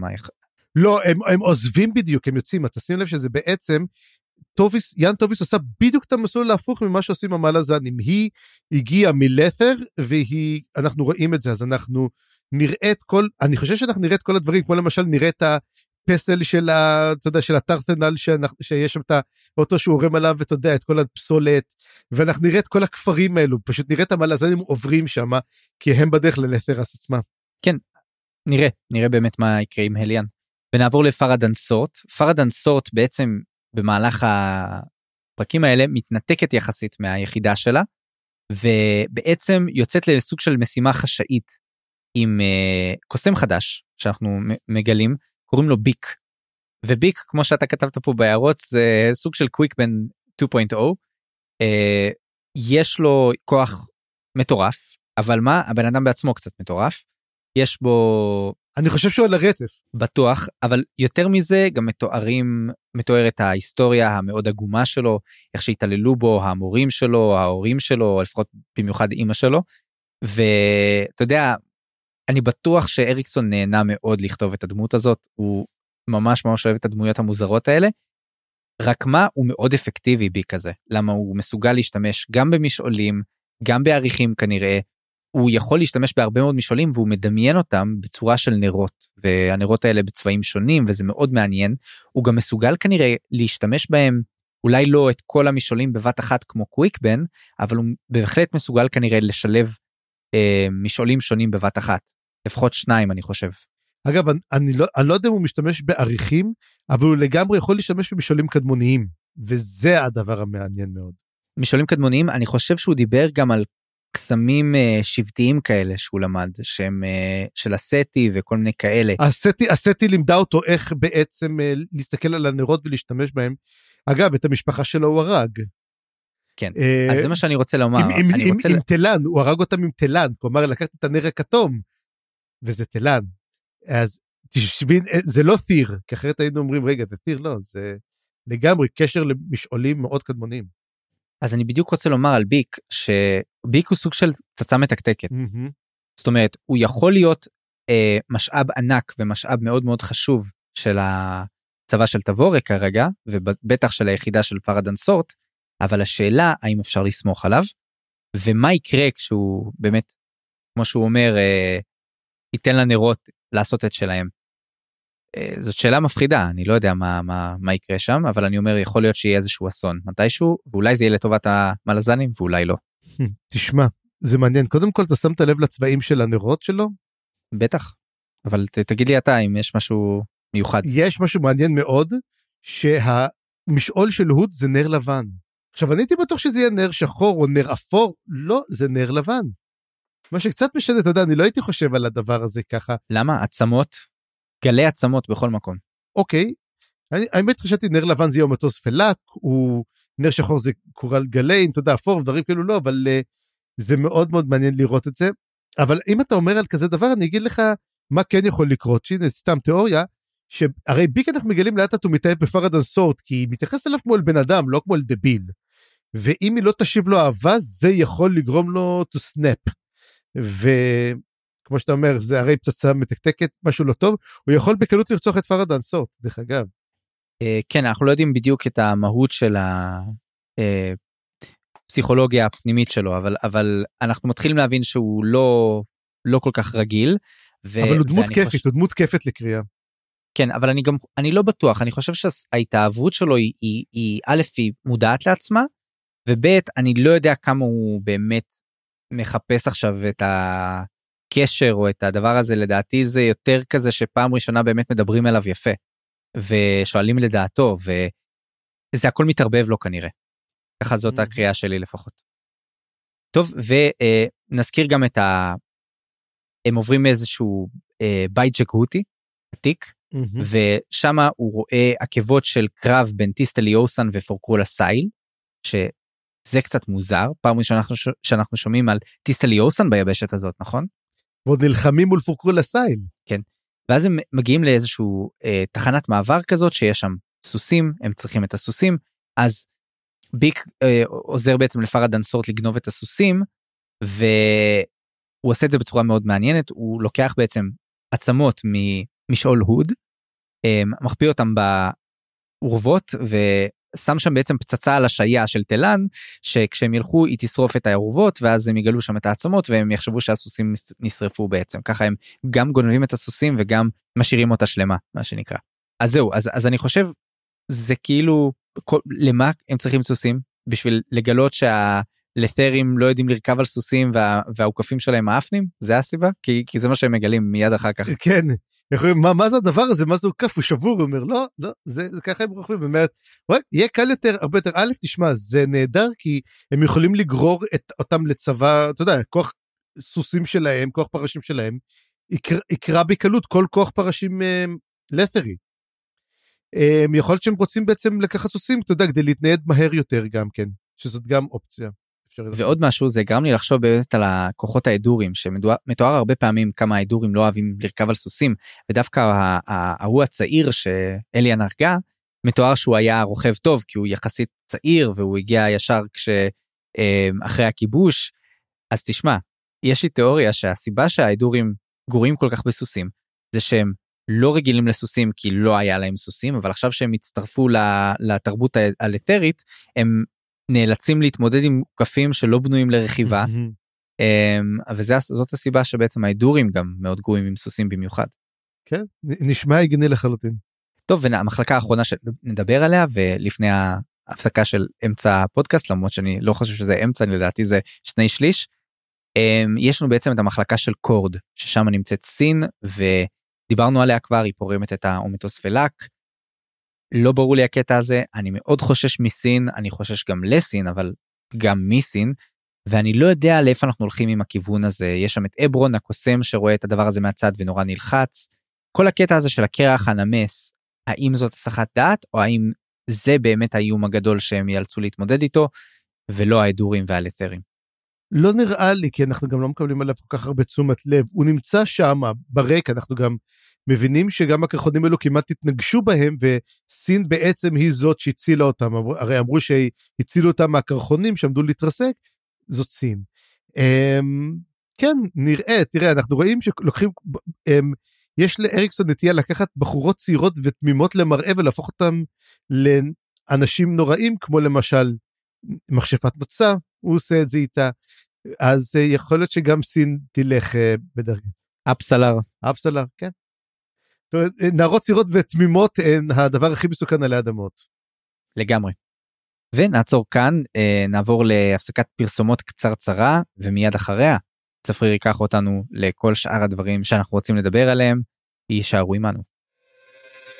אתה יושב לך בבית בשקט, שמח מהיותך אזרח נאמן של האימפריה. אבל האם אתה באמת יכול לשבת בשקט כשבכל רגע נתון אויבי האימפריה ומתנגדי שלטון אורבים בפינות אפלות לאזרחים תמימים ומתכננים מרד עקוב מדם שיכול לפגוע בך, במשפחתך ובחבריך?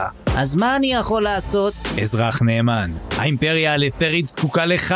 הצטרף עוד היום לפטריוטיסטים שמונו אישית על ידי הקיסר הנצחי רולד סנגר ושמטרתם לעקור מן השורש כל עשב סוער מהשטח. מהרו, עוד אפשר להציל את הבירה. האם שמעת שכנה שאינה מרוצה ממשמר הביטחון? חברים בעבודה רוצים להתאגד כדי לשפר את תנאיהם? אל תיתן למחשבות האפלות שלהם לטמא אותם. פנה היום לפטריוטיסטים, ותזכה בפרס נאה. זכור, אם אתה לא תדבר, מישהו אחר כבר ידבר עליך. מוגש מטעם הפטריוטיסטים של לתרס.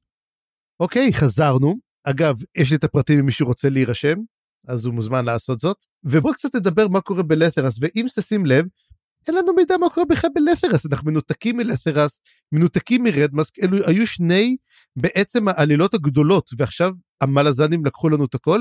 עם מה אנחנו נשארים בעצם? עם דמויות משוטטות.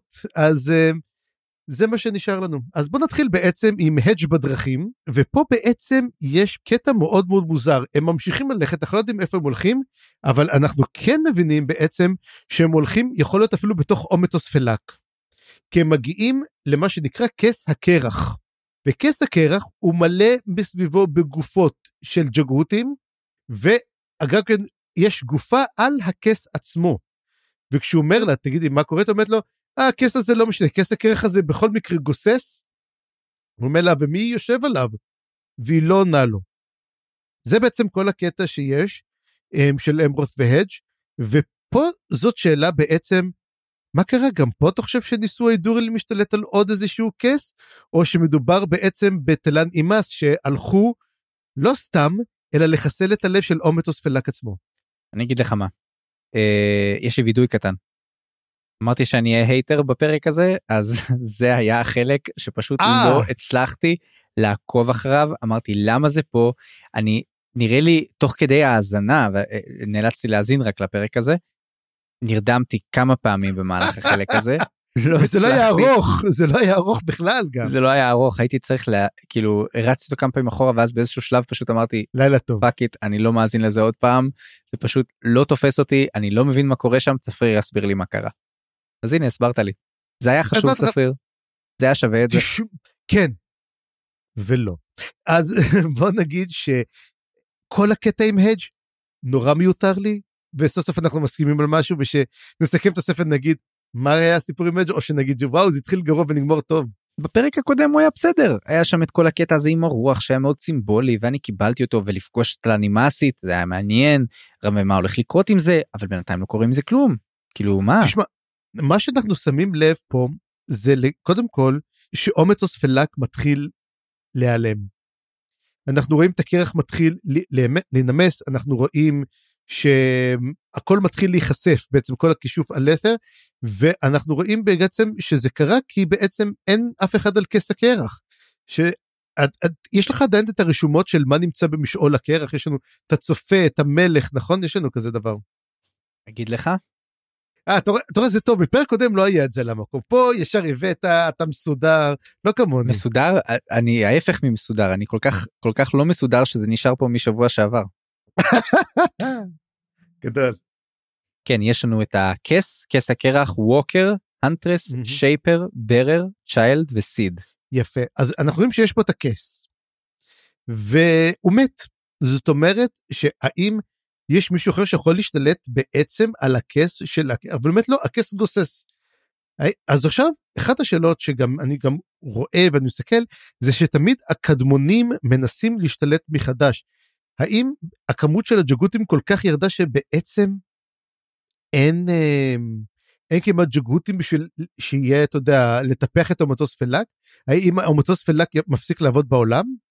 אולי אחרי שזה יקרה בעצם התלנים מס יוכלו בעצם, אתה יודע, לחזור בחזרה ובעצם לסגור, לסגור את הבסטה. אולי זה קשור באמת לעניין הזה שקרה בעצם לאונרק ולדבר הזה. האם זה מתקשר גם העניין עכשיו הגדול של הקרח הנמס עם סין ועם האיום על בלו רוז וכל הדברים האלה אנחנו כאילו שומעים על הדבר הזה מכל מיני כיוונים רק צריך להבין יש פה פקעת כזאת צריך למצוא את החוט שממנו אנחנו מתחילים לפרום את הכל ולא ברור מה מה זה. אני איכשהו חושב שזה, תשים לב שזה גם קרה עם המוות של בית העזת. אז הכל, אתה יודע איך אתה אומר את זה, הכל מתקשר להכל, אבל כן, אני חושב שזה שסין בעצם מבטלת אותו, זה גורם גם כן לדבר הזה, פוגע מאוד באומטוס ולק. אמ, ואם באמת כבר הזכרת באמת גם כן את אונרק, אז בוא נדבר באמת על טרל סנגר וחברים, שנשמע כמו תוכנית אירוח, אבל עדיין, והנה, אם אמרת שאתה hater, ברוך בואך ל hate שלי. שזה תמיד טרל סנגר ואונרק, לא יודע, הם הזוג הכי משעמם שיש במלאזן, ואני אומר את זה עוד מהספר הרביעי. כלומר, אמ, תשמע, אני יכול לעבור כמה דברים, ואני יכול להגיד שהד וזה זה, אבל פה לא הצלחתי להבין מה המשמעות.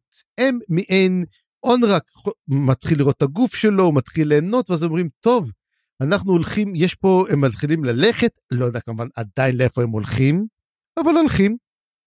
ואז הם מזהים שיש את הלהק של האי שאנחנו דיברנו עליהם שזה אותם חיות שהם הפכו אותם גם כן על מתים והם חיים. אז זאת אומרת האם אנחנו נמצאים אנחנו נמצאים כנראה בתלן וזה להק האי הזה הוא מאותו אי שאתה יודע קמו לתחייה יחד עם החלום שלהם בתלן והם מחפשים אמלבה ואמלבה זה מין כמו אני, אני חושב שזה כמו אומרים שזה כמו נמר גדול, אני חושב שזה כמו saber-tooth tiger כזה נמר שן חרבי. כן, גדול כזה, והם מזהים אותו ומריחים, אומר, זה זכר.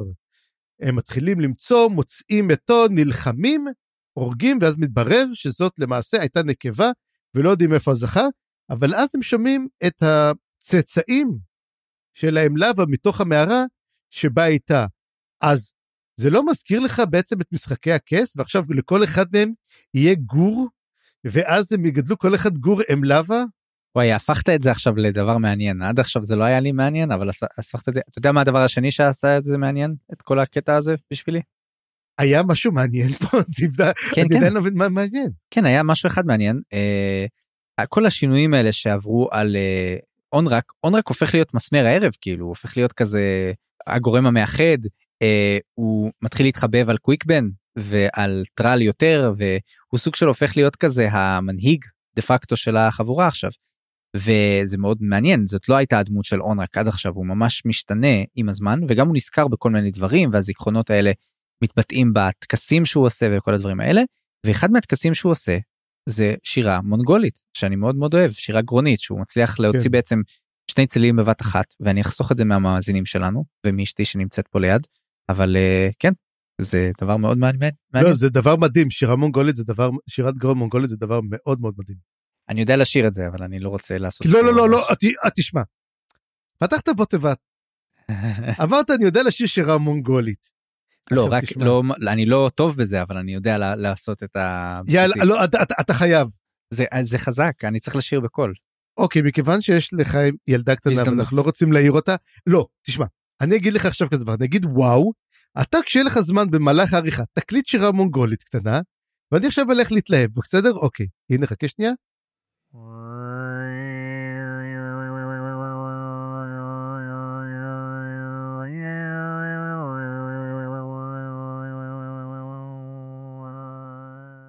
וואו, שמע זה מדהים חיים, אתה חייב לעשות את זה שוב. אז אה, טוב, אז אחרי שראינו את זה, אמרת מה זה פה? על שירת הקריבו ושירת הזאב. עכשיו מכיוון שאיך אמרתי חיים יסביר לי על זה, אז חיים, בוא תסביר לי על זה. כן, אז רק נקודה קטנה, הוא מזכיר פה באמת את השירה שלהם, את המוזיקה, והוא אומר שיש פה, יש להם שני שירים כאלה מסורתיים, יש את שירת הקריבו ושירת הזאב. אז הקריבו זה מין טרף והזאב זה הטורף. אז בעצם יש את המוזיקה של המלחמה ואת המוזיקה של השלום.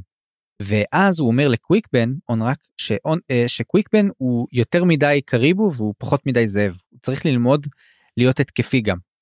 זאת בעצם האמירה שלו לקוויקבן. אני לא בטוח כמה הוא צודק, אבל נראה אני שקוויקבן... חושב שהוא מאוד מאוד צודק, מכיוון שקוויקבן הפך להיות לפלף, אני כבר לא מזהה את קוויקבן, אולי בגלל מה שקרה לקלאם הוא נמצא במין, אתה יודע, גם קוויקבן הוא איבד אותו, גם כן אמ, כל מה שקרה לו עם אחותו, הוא ממש איבד את זה. אז אולי הוא צודק בכל מקרה קל נראה שקוויקבן כן מפלרטט קצת עם הרעיון הזה זה לפחות הוא מקשיב לו. הוא לא יוצא נגדו הוא לא צועק עליו או משהו. אה, נראה אם זה ישנה משהו נראה מה הצאצאים של האמלאווה הזאת אה, הולך לעשות אגב אני לא הבנתי שזה צאצאים פשוט היה שם איזשהו צליל של יבבה מה, מה מבפנים של המערה לא הבנתי שזה צאצאים אה, ככה אני הבנתי את זה, יכול להיות שאני טועה. או שיכול להיות שזה הזכר שקולט שאיש, שהנקבה שלו. נהרגה. או שזה זה קריבו שם ש- ששחטו אותו. אה, אוקיי, כן. אז אנחנו, ממש- אז זהו, זהו, זה חיים, בוא תיקח אותנו לשני החלקים האחרונים, ולדמויות המשנה המעניינות. המעניינות יותר. להגיד לך שהן מאוד מעניינות אני לא יודע אבל הן מעניינות יותר. ה-SRG ממשיך בקצב לאן אין לי מושג אבל הם הולכים צפונה צפונה כל הזמן רק צפונה. אתה בדקת מה יש צפונה במפת צפריר בבלו רוז? מה החלק הכי צפוני של בלו רוז? יש שם ים המפה לא? כן, יש שם את הים, זה מין כמו מין, אתה יודע, יש שם מין לגונה כזאת, מין קוב מאוד מאוד יפה כזה, טבעי. אין לי מושג מה הם מחפשים שם. אגב, גם סרן שואל אותו, למה אנחנו הולכים צפונה? כאילו, למה אנחנו לא הולכים וטובחים את מי שבדרך? והוא לא, הוא, הוא נמנע מאנשים לגמרי.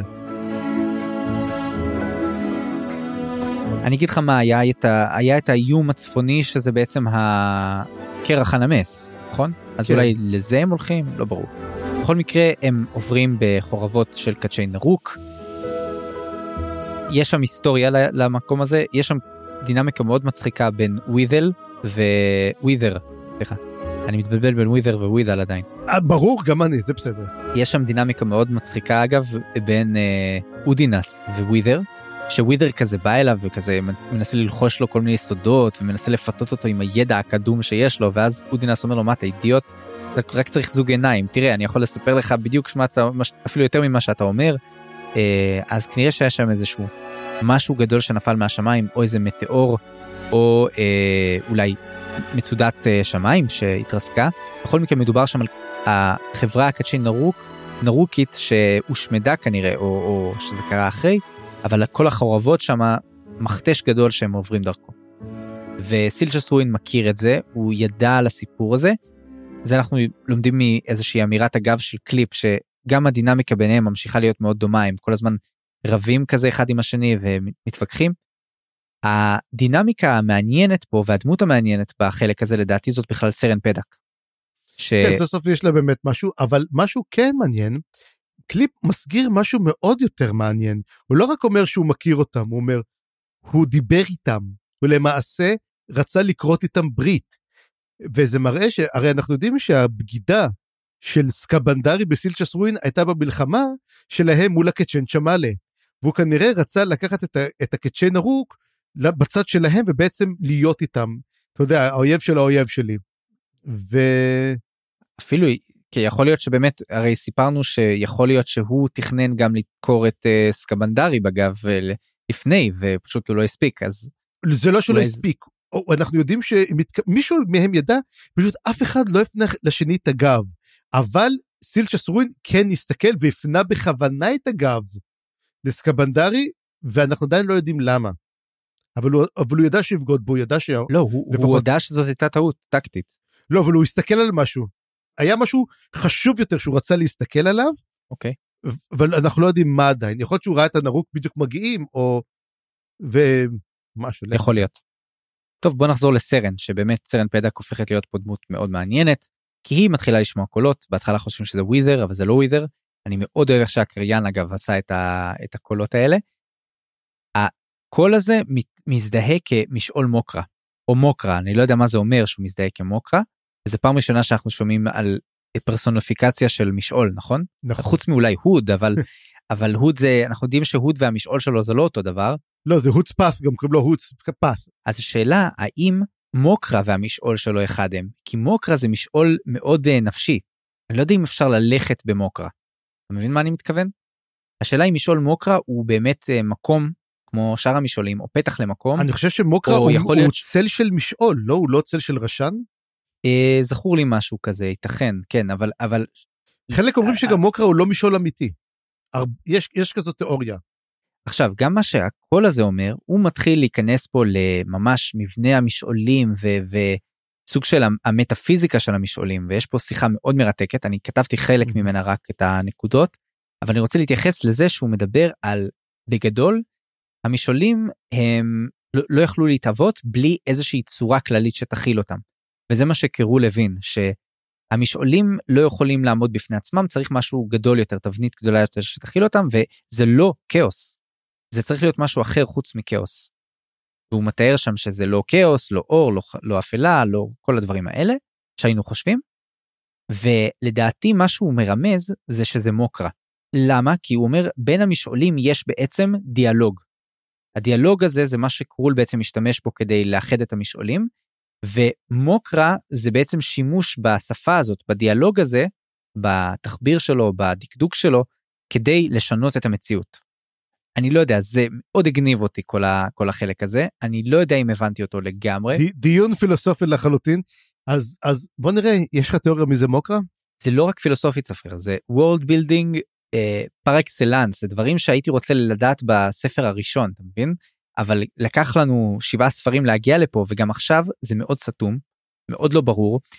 המוקרה הזה מסביר לסרן פדק שמעטים מאוד מסוגלים לתקשר איתו והיא למדה הרי לפני זה מהקוסם ההוא של המשמר הארגמן נכון שכחתי איך קוראים לו כן הגדול הזה אני לא זוכר את השם שלו. וגם הוא כנראה לא ידע לדבר עם מוקרה. וכל העניין הזה גם מראה שלמוקרה הזאת יש איזשהו עניין בסרן פדק ספציפית. הוא מנסה, הוא רוצה ממנה משהו, נכון? הרי קודם כל הוא מניע אותה ל- לסוג של עידוד כזה, הוא מנסה לעודד אותה להישאר בחיים, היא נמצאת במצב לא טוב, היא גם חושבת על התאבדות אני חושב, היא מאוד אובדנית, יש לה את העבר הקשה של האונס שעדיין מאוד מאוד משפיע עליה היא כאילו לא מוכנה עדיין להתמודד עם זה אבל אבל זה נמצא בתת מודע וזה משפיע עליה וזה מדכא אותה כנראה. אז היא- הרוח מנסה לעודד אותה המוקרה הזה מנסה לעודד אותה והיא גם מקבלת סוג של מטרה חדשה נכון? הרי עד עכשיו התמודדנו עם השאלה מה סרן פדק עושה שם בכלל. מה כל העניין הזה? למה היא צריכה להיות פה? מה היא קשורה לכל שאר? היא שואלת את זה את עצמה. אבל המוקרה אומר יש אויב. היא צריכה להבין מי האויב הזה של המשעולים וזאת המטרה החדשה שלה. אני לא יודע אם היא באמת תלך עם זה עד הסוף אבל נראה שהיא מתחילה להבין שאולי זה כן כיוון טוב בשבילה ואני אשמח לכיוון טוב בשבילה כי לדעתי היא דמות לא מנוצלת כרגע. נראה לי שגם מריסון קלט את זה ואמר טוב אני צריך לעשות משהו איתה. אבל הוא בנה את זה זאת אומרת גם העבר הטראומטי שלה גם הקשר שלה לקוסם שלימד אותה את מוקרה. כל הדברים האלה הובילו לפה פשוט זה לקח המון זמן עד שקרה עם זה משהו או עדיין לא קרה אבל מתחיל לקרות עם זה משהו. השאלה עצמה מי זאת הרוח הזאת זה קוסם שהשתמש במוקרה? אתה חושב שאולי זה מוקרה עצמה המשעול יוצר קשר רוצה שהיא תשתמש בו? זה מה שאני חושב. זה עוד לא ראינו דבר כזה אבל זה מה שאני אומר זה סוג של פרסוניפיקציה של משעול אבל תשמע או שיש איזה מישהו שיודע להשתמש במוקרה ובעצם משתמש לה במוח ושותל אצלה שתלים שהוא מוקרה. אבל אותו בן אדם היה צריך גם להכיר את הקוסם ההוא של המשמר הארגמן וזה מאוד מאוד סביר להניח שאין בן אדם כזה בנמצא. תשמע זה כזה מגניב שאחרי שבעה ספרים הוא עדיין מוצא חידות הוא עדיין מוצא דברים שאנחנו בכלל לא מכירים אותם. אבל עדיין זה קצת מרגיז כאילו למה אתה ממשיך להכניס דברים תפתור את מה שאנחנו לא יודעים ואז תכניס דבר אנחנו רק מקבלים יותר ויותר חידות. כן ומיד אחרי זה מסתבר שהיא הייתה בסוג של כזה טראנס או משהו כזה אה, סרן פדק כנראה לא הייתה איתנו כשזה קרה. קטל מגיבה לזה וגם אודינס מגיב לזה ונראה לי אני לא יודע אבל מרגיש לי צפריר שמתחיל גם להירקם משהו בין אודינס לסרן פדק אני לא חושב שזה רומנטי בהכרח פשוט יש פה סוג של הבנה כזאת אולי בגלל שהוא רדוף על ידי ווית'ר והיא עכשיו רדופה על ידי מוקרה או מה שזה לא יהיה. אה, יש ביניהם איזשהו חיבור כזה עכשיו אבל נראה שהם כזה מהנהנים יותר מדי מבינים אחד את השני יותר מדי בלי לדבר אולי היא, היא חושדת בכלל שאודינס שמע אותה מדברת. אה, אבל כנראה שהוא פשוט השתמש בשכל שלו כמו שהוא אוהב לציין בפרק הזה. תשמע הם קצת מין מנודים שניהם הם לא כל כך מודעים מה שניהם צריכים לעשות שם הם לא כל כך נחוצים באמת אני כמו שאמרתי לא הבנתי כך למה ה-SRG הזה נחוץ בכלל אבל um, אתה יודע כמו שאמרתי מין חבורה לא מובנת שהייתה אמורה להתפרק הרבה יותר מהר מככה. ובוא נעבור לחלק האחרון. החלק האחרון שלנו לפרק הזה, וזה באמת Twilight דמדומים. כמו שאתה אומר בקטע טוב, אה, Better Love Story than Twilight. אני לא יודע, אין פה בינתיים Love Story עם, עם, עם uh, עם uh, יאן טוביס, אבל... אפילו יאן טוביס וידן האח שלה זה סיפור הרבה יותר טוב מ Twilight. טוב, תשמע, uh, מה שמעניין על לגבי יאן טוביס זה שבמהלך הפרק הזה היא לומדת על הפלישה המלזנית, היא עדיין לא מבינה את ה... אולי extent, את הגודל של הדבר הזה, אבל כרגע מה שעומד מולה זה בעצם שברוליג, מי שהיה מיועד אגב להתחתן איתה אני חושב במקור, כרגע נאבק איתה, יש לה התמודדות איתו על הכס של השייקים, על המלכות של השייקים, וזה כל מה שהיא עושה בחלק הזה, זה בעצם לנסות לקדם את המהלך הזה שלה. אבל היא מתכנסת, בעצם מנסה לכנס את השייקים, ושהיא שולחת בעצם את השליח שלה, את ידן, לאסוף את כל הקוסמים, את כל המכשפים, היא לומדת שהקוסמים האלה נמצאים באיזשהו פונדק ללא שם, שם הם כולם uh, כבר התאספו בלעדיה, וגם אנחנו מגלים שבעצם המחשבים האלה, או תיאורי אדם, כמו שקראו לזה, לא, לא תיאורי אדם, אבל הנגועים על ידי השדים, בתרבות השייקית, הם אלה ששולטים דה פקטו. אפילו אימא של ינטוביס, שהייתה המלכה האחרונה, בעצם הייתה כמו שליטת בובה שלהם, והיא יודעת את זה. היא מודעת לזה שהיא כאילו נתנה להם לשלוט. אז יאן טוביס מחליטה לעשות מעשה מאוד מאוד אה, קיצוני, והיא בעצם מנתקת את זה. היא אומרת, אני אשלוט, אני אהיה מלכה ואתם לא תהיו ה... אה, אני לא אהיה חייבת לכם כלום, אתם לא תהיו המנהיגים שלי. וזה מהלך מאוד מאוד אה, בעייתי, כי בעצם זה בדיוק מה שהם צריכים בשביל להשתכנע ללכת לצד של ברוליג ולתמוך בו דווקא נגדה. והיא מודעת לזה שיכול מאוד להיות. כן, היא, היא, היא, היא גם אומרת שזה הסוף שלה. היא לא אומרת שזה הסוף שלה, אבל היא אומרת שהיא עכשיו נמצאת בסכנה, שהיא צריכה עכשיו לשמור על הגב שלה.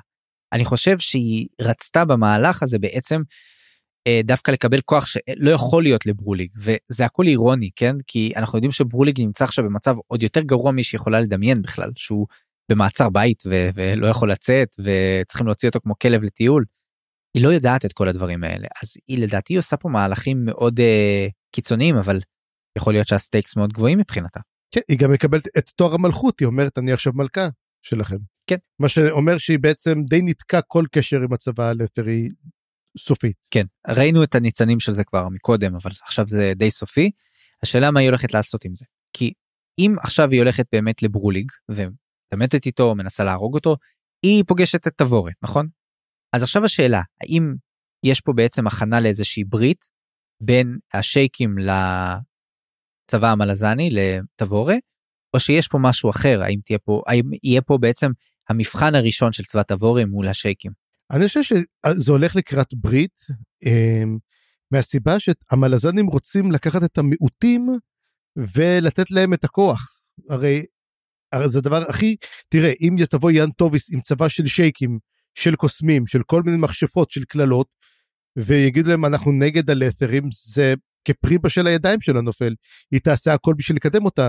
אני גם מבטיח לך שהיא תיקח את יאן טוביס להיות פיסט במקום בליסטיג. מעניין. מעניין, לא חשבתי על הכיוון הזה, אבל uh, כן, מסקרן. אני אשמח לדעת מה קורה פה בהמשך. בהחלט נראה שיש פה כמה עניינים שמתחילים להירקם ואני די uh, די מבסוט על ההתחלה הזאת של החלק השלישי צפריר. כן, היה הרבה יותר טוב מסוף החלק השני, זה בטוח, מה שקרה בפרקים הקודמים זה הזה. תראה, גם לקחנו שני פרקים, אז יכולנו לקחת את זה יותר בשקט, יותר ברוגע, הם גם היו כתובים כיחידה אחת, אני חושב שהם גם אמורים להיקרא כיחידה אחת, כי שים לב שאמרת לך, הצצנה הראשונה שם היא גם כמו הצצנה האחרונה שיוצאת לך סוף, יכול להיות שגם ככה יהיה ככה, שני פרקים, שני פרקים, גם יהיה לנו בפעם הבאה. אז יהיה מעניין, ואני מאוד מאוד מחכה להמשך, תשמע, אני תמיד אומר, איך אני יודע שזה טוב? כי ברגע שאני כבר אומר, וואלה, בא לי כבר לקרוא את הפעם הבאה, אוקיי. אז אני יודע שזה יצר דוקשת, תשמע, אפילו עד כדי כך, שאפילו בא לי לקרוא על הדג'. מה אתה אומר? וואי וואי, טוב זה... זה מוגזם לדעתי. זה קיצוני, סליחה, אוקיי, הגזמתי, סליחה, סליחה. טוב, אז עם הכוונות הטובות שלנו ועם הציפייה להמשך, נגיד שזהו לטאטה. בפעם הבאה נקרא את הפרקים 15 ו-16 ונמשיך את קוביות הנשמה, החלק השלישי בספר סופת הקוצר, הספר השביעי בסדרה. אני חיים גורוב גלברט, אני צפיר גרוסמן. בואו לערוץ הדיסקורד שלנו, נחמד שם, ונשמח אם תדרגו אותנו באפליקציית הפודקאסטים שבה האזנתם לנו. ואם בא לכם לתמוך במה שאנחנו עושים, אפשר לעשות זאת דרך פטריון. יש מלא דרגות תמיכה ותשורות מגניבות. פרטים בתיאור הפרק. עריכה וסאונד חיים גורוב גלברט.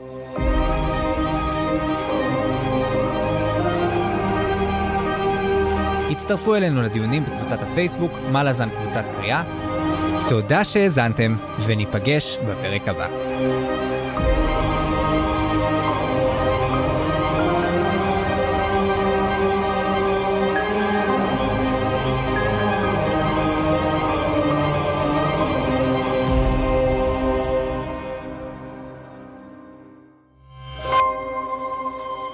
היזיון, הסכתים פנטסטיים.